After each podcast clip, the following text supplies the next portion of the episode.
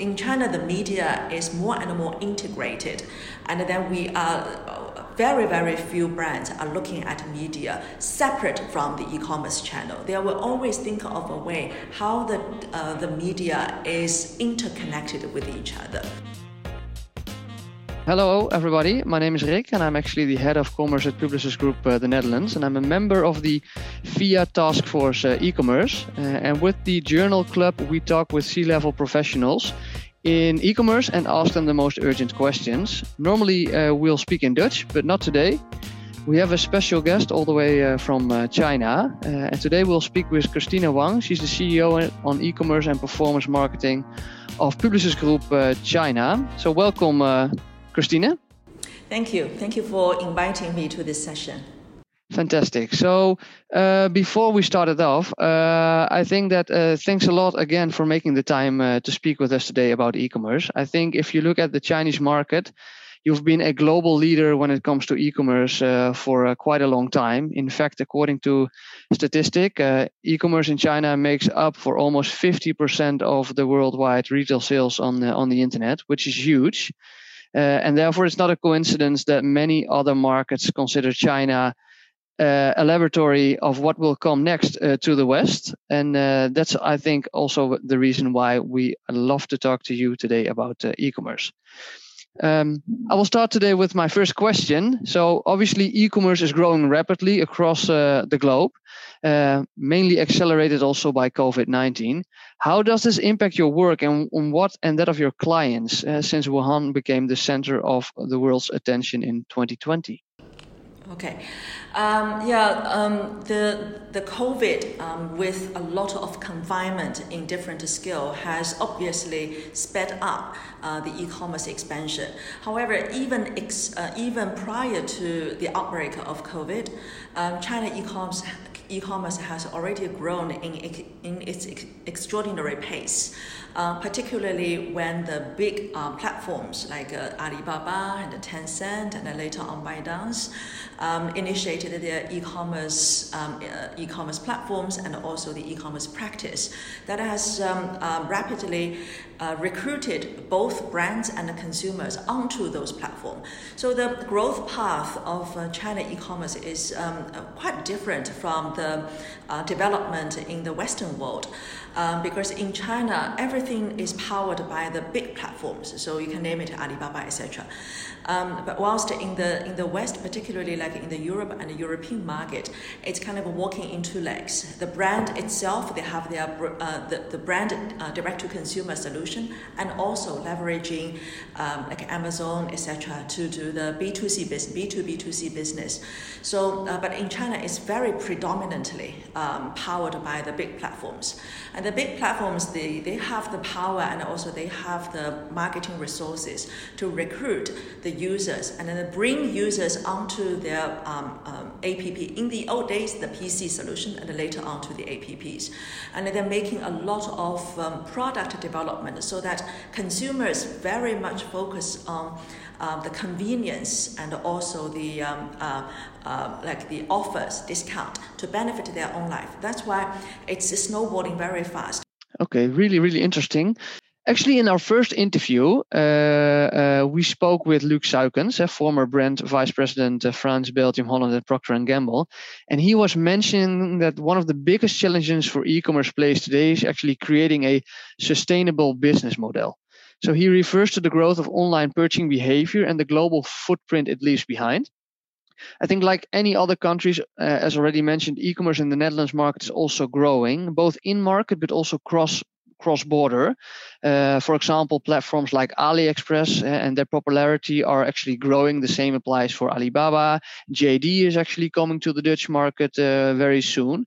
How do you see the future of cross border e commerce? And is this a future proof uh, and sustainable yeah, model, um, model? The cross border mm. market had a huge expansion um, since three to f- three to five years ago.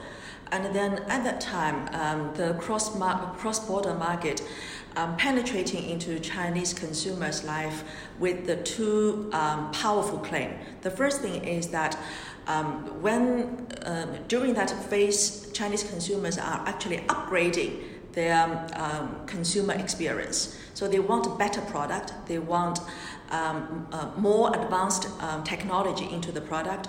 So at that time, like um, um, the baby category, the beauty category, uh, and also the food and nutrition category, they got huge expansion because consumers just want to upgrade their consumer uh, the product experience by trying the latest technology and also the most popular products worldwide. So um, um, first to the market and also catching the upward trend of consumers uh, consumers consumption upgrade is one of the power behind that. And the second power behind that is um, consumers are really going out of uh, out of China, and then they are already experiencing the retail market um, outside China, and then they have uh, and also uh, we have families and friends um, overseas, and who are also bringing back a lot of like the new products. So this is kind of like the open door experience as well. So the cross-border market provides this open door experience. So you do not need to go overseas to the retail store, and then with this cross-border that we can provide uh, better, uh, we can also provide the most advanced products, very um, convenient logistic solution, and then um, the products are just like this, and then it's delivered to your doors. So those are the two reasons behind um, the, the, uh, the huge expansion of cross-border market um, over the past few years. Yeah, and and if you talk about sustainability and let's say the last mile or the delivery at your doorstep, I mean, uh, I think that was also what Luke was referring to. If if for example I look out of my window during the day, I think four to five times I see this truck of uh, TNT or uh, you know delivering packages door to door, uh, and these vans are not yet sustainable. How about the actual delivery in China? Is there um, is that already kind of uh, more sustainable? Or you know are those companies delivering it through let's say bicycles or you know electric uh, automobiles or how what, what's happening there? Um, the logistic solution is one of the um, the back end uh, solution that the big platforms have built. For example, Jingdong, uh, when they started their business, they already understand the um, uh, the quick delivery, uh, the logistics uh, efficiency um, will be a killing claim of the platform providing to uh, um, uh, to the to the end consumers. So they built a huge um, logistic team. I can't remember the exact number, but my impression is about like 80 to 100,000 uh, people behind the logistic solution. So the, the they built the um, the satellite satellite warehouses. So it's not like just one centralized warehouse, but they build uh, according to the uh, um, the data from all the order tracking system. They are able to quantify um, the uh, the capacity and also the demand for those provinces, so that they build their uh, warehouse in those satellite um, uh, warehouse solution, and also using trucks scooters, bicycles. That yeah, interesting, really interesting. Um, I'm I'm I'm really curious to see um, part of that delivery trend, how that will actually affect or you know transcend into the uh, European market. So so we'll look into that. Um, I have another question for you. So, what aspects of e-commerce do you find most interesting in your market right now? Or maybe you can name a company which you say like you know they are the the front runner when it comes to e-commerce. Mm, all right. Um, what I see the uh, some of the distinctions between the e-commerce in China versus e-commerce in the Western world is that um, in China e-commerce is not just a sales channel. Um, more and more brands they they have come to realize that um, China e-commerce is powered by those like big ecosystems like uh, Alibaba, and Tencent, uh, with like solutions of Jingdong and Pinduoduo, etc. So e-commerce in China is more end to end. So when uh, brands are thinking of something to go to market, they will always think of something that how it can land on e-commerce. First reason is that e-commerce has accounted for uh, a bigger uh, portion of the uh, uh, the total sales revenue. Um, for some categories, it's already over 50%. For some categories, it's like 20, 30%, but it's still on a very fast growing trend. Um, that's why uh, for, for um, marketer or advertiser, they are more and more sensitive about um, having an, an e-commerce solution to be an end-to-end solution to their entire marketing campaign.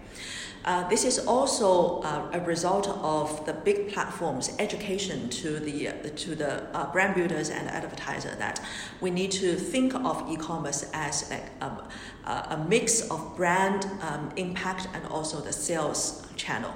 So this is very different from, for example, like Amazon in the in the Western world. This is purely a sales channel. So because people already have something on mind, and then they do the search, and then they find the right product, put in the shopping cart, and then benefit from the delivery to the to the foot uh, to the footstep. Um, but in China, that you see those all those like the campaigns, the sales promotion, uh, and also the um, like celebrities, which are usually um, those brand assets used outside the e-commerce platforms in other parts of the country. But in China, this is all integrated into one ecosystem. Yeah, so so talking about your first point eh, about the integrated ecosystem that you have there in China, does it also explain the the enormous success, for example, on social commerce? Because you know, uh, also recently, I think it was published in eMarketer. They expect that in you know in 2023, almost 14% of total retail e-commerce sales in China will go through social channels, which I guess is also related to the fact that it's kind of this integrated ecosystem, you know, providing consumers the possibility end to end to, you know, also purchase through those social channels. How do you see that? Yeah, yeah. Social commerce is one of the um, um, other type of e-commerce that has emerged over the past like two three years. Um, uh, uh, that is also relying on the consumer's social um, social addiction. Um, if like someone we can we can choose not to speak to someone, but we can't uh, live uh, without the social media um, for like even a single day. So people are really getting into this is like a must have in your life. And then um, uh, again, big players are thinking of a way to translate the social traffic into the real dollars. That is a commerce solution. So again, this is um, um uh, also powered by first consumers are already there, the habits are already there in uh, e-commerce in China is never about uh, transforming consumers' existing habit into something that they are trained to do, whilst it's more about an adaptation into their new trends. So the social habit is already there, and then the other thing is the big platforms are thinking of a solution to provide a better um, um, experience so that the social commerce can step into or can penetrate into the existing consumers in a very natural way. Um, so social social commerce um, are, be- are benefiting from first um, uh, consumers um, ever increase social moments on their um, digital life. The second is that social commerce provides consumers with not just the e-commerce convenience, but also their social needs. And also people can, some, for some consumers, they can earn money from social commerce because when they become an agent and then they when they forward uh, some links to their social community they can earn commission as well so that provides people uh, a new opportunity of it's not just about how much money they can earn, but this is more about yeah, this is something new that they something interesting that they can experience. So social commerce is still it's a, a huge opportunity even for brand. They see a better uh, consumer journey because social commerce all handle on those, those social platforms and then brand can play a big role compared to those e-commerce big platforms like Alibaba and Jingdong that main, the, big platforms are, are already providing uh, providing the role in between brand and the consumers. But social commerce brand are talking to consumers directly. So for many brands, particularly the premium brands, uh, and also brands with a longer term consumer management. For example, they want to uh, cultivate consumers' habit of repeat purchase. Then social commerce provide a better channel for cons- for brands to uh, communicate with consumers directly. So yeah. this is a very interesting, um, uh, like a new form of e-commerce. Uh, I'm holding very positive uh, for uh, social commerce just because that brands can play a better role in consumers in consumers uh, communication, uh, and also consumers are already um, uh, uh, living on social um, like on a day-to-day basis. So we do not we do not need to train consumers. It's just their habits are already there. Yeah, and and one of the formats actually being used in social commerce today in China, uh, I think it's it's also a lot of live streaming, which is quite popular, uh, or through uh, the platforms, or by the you know leveraging key uh, opinion leaders, which are the influencers uh, in China. Um, how does that exactly okay, work? So live streaming, um, most of the live streaming are done by the the key opinion leaders, the KOLs. Um, so they have their social influence cycle, and then when they say that they build, they already built their uh, their impression of their um, uh, the personal trust among their influencers. So um, consumers just will, will trust what they think, and then to keep authentic uh, authentication is one uh, the most important um, um, uh, character for those KOLs. They have to test the product. They have to speak out their benefit and also the, their experience with the product so that they can convince the consumers to buy. And of course, um, the reason behind that is. Um, you know they can earn commission. This is about you know the, the magic of, of incentivizing, um, but still they sell not not the way that uh, the brand telling the consumers, I tell you, with this R and D, with this benefit, um, you will you will look better, you will eat better. But they tell you in a way of the consumer's language that I try it and then how I feel that. So this becomes more convincing to consumers. You know, we just talked about social uh, social commerce, which is you know uh, uh an example of also a, a digital media channel.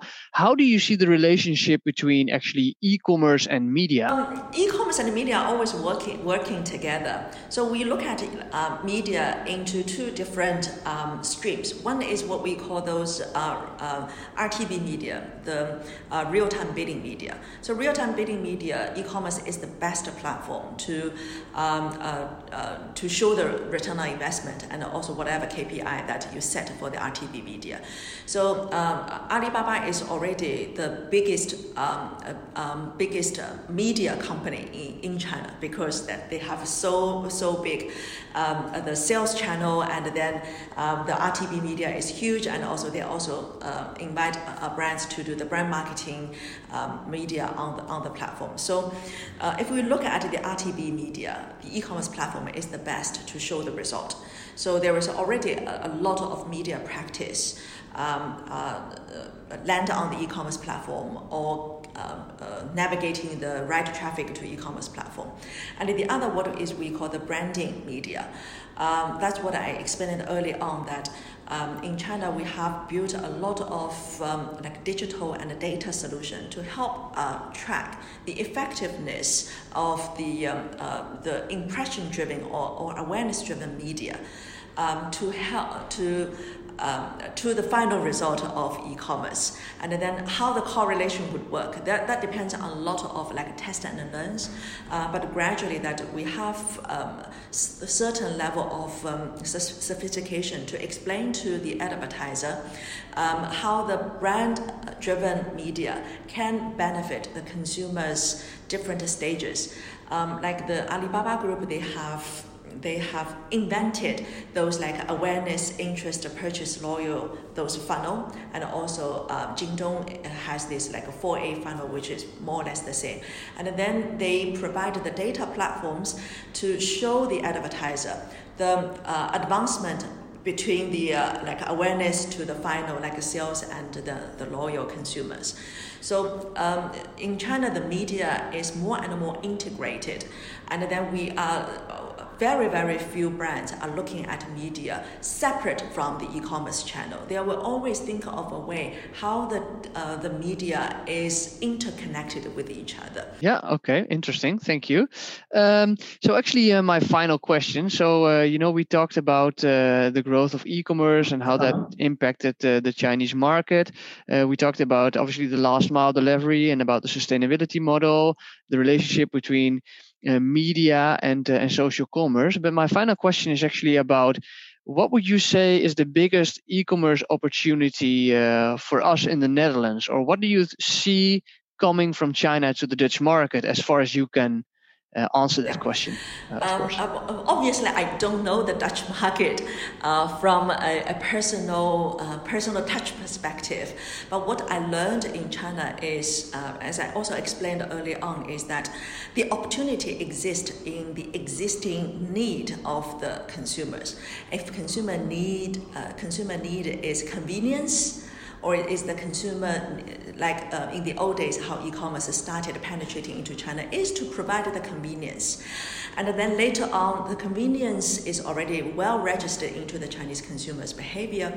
Is e-commerce providing this uh, pro- uh, or opening the gate of providing a better product? And then cross broader e-commerce coming to coming to uh, the consumer's life by providing the right product, first to market solution to uh, to the consumers, and then later on can can uh, consumers' existing social habits um, transform into certain type of, um, of shopping experience. And then the social commerce coming into coming into uh, consumers like e-commerce experience. So this is all about uh, what consumer already have. So nothing is about transforming the um, transforming or educate a new habit. It's more all about um, how we can adapt to the consumer's existing experience and also providing added value either convenience or the uh, product experience or like services or social needs.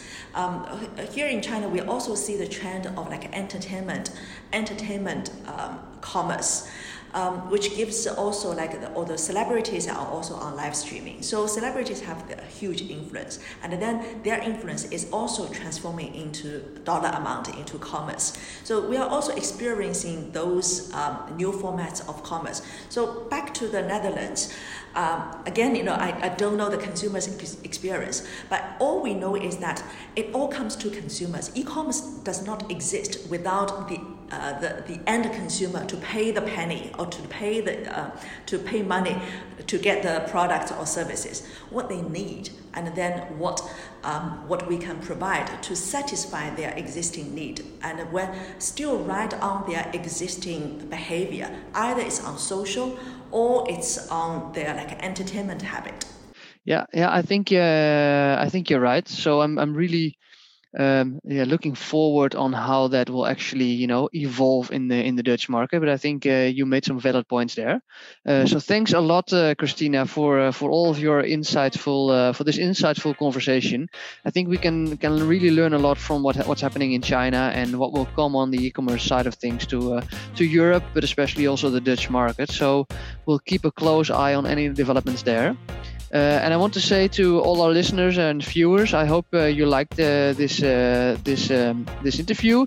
There's obviously more to come in our next episodes. Um, we will turn back to Holland and speak with another C-level professional in the e-com business. In the meantime, please check out the VIA website and social channels. And uh, yeah, again, Christina, thanks a lot. And uh, to our listeners, uh, speak to you soon.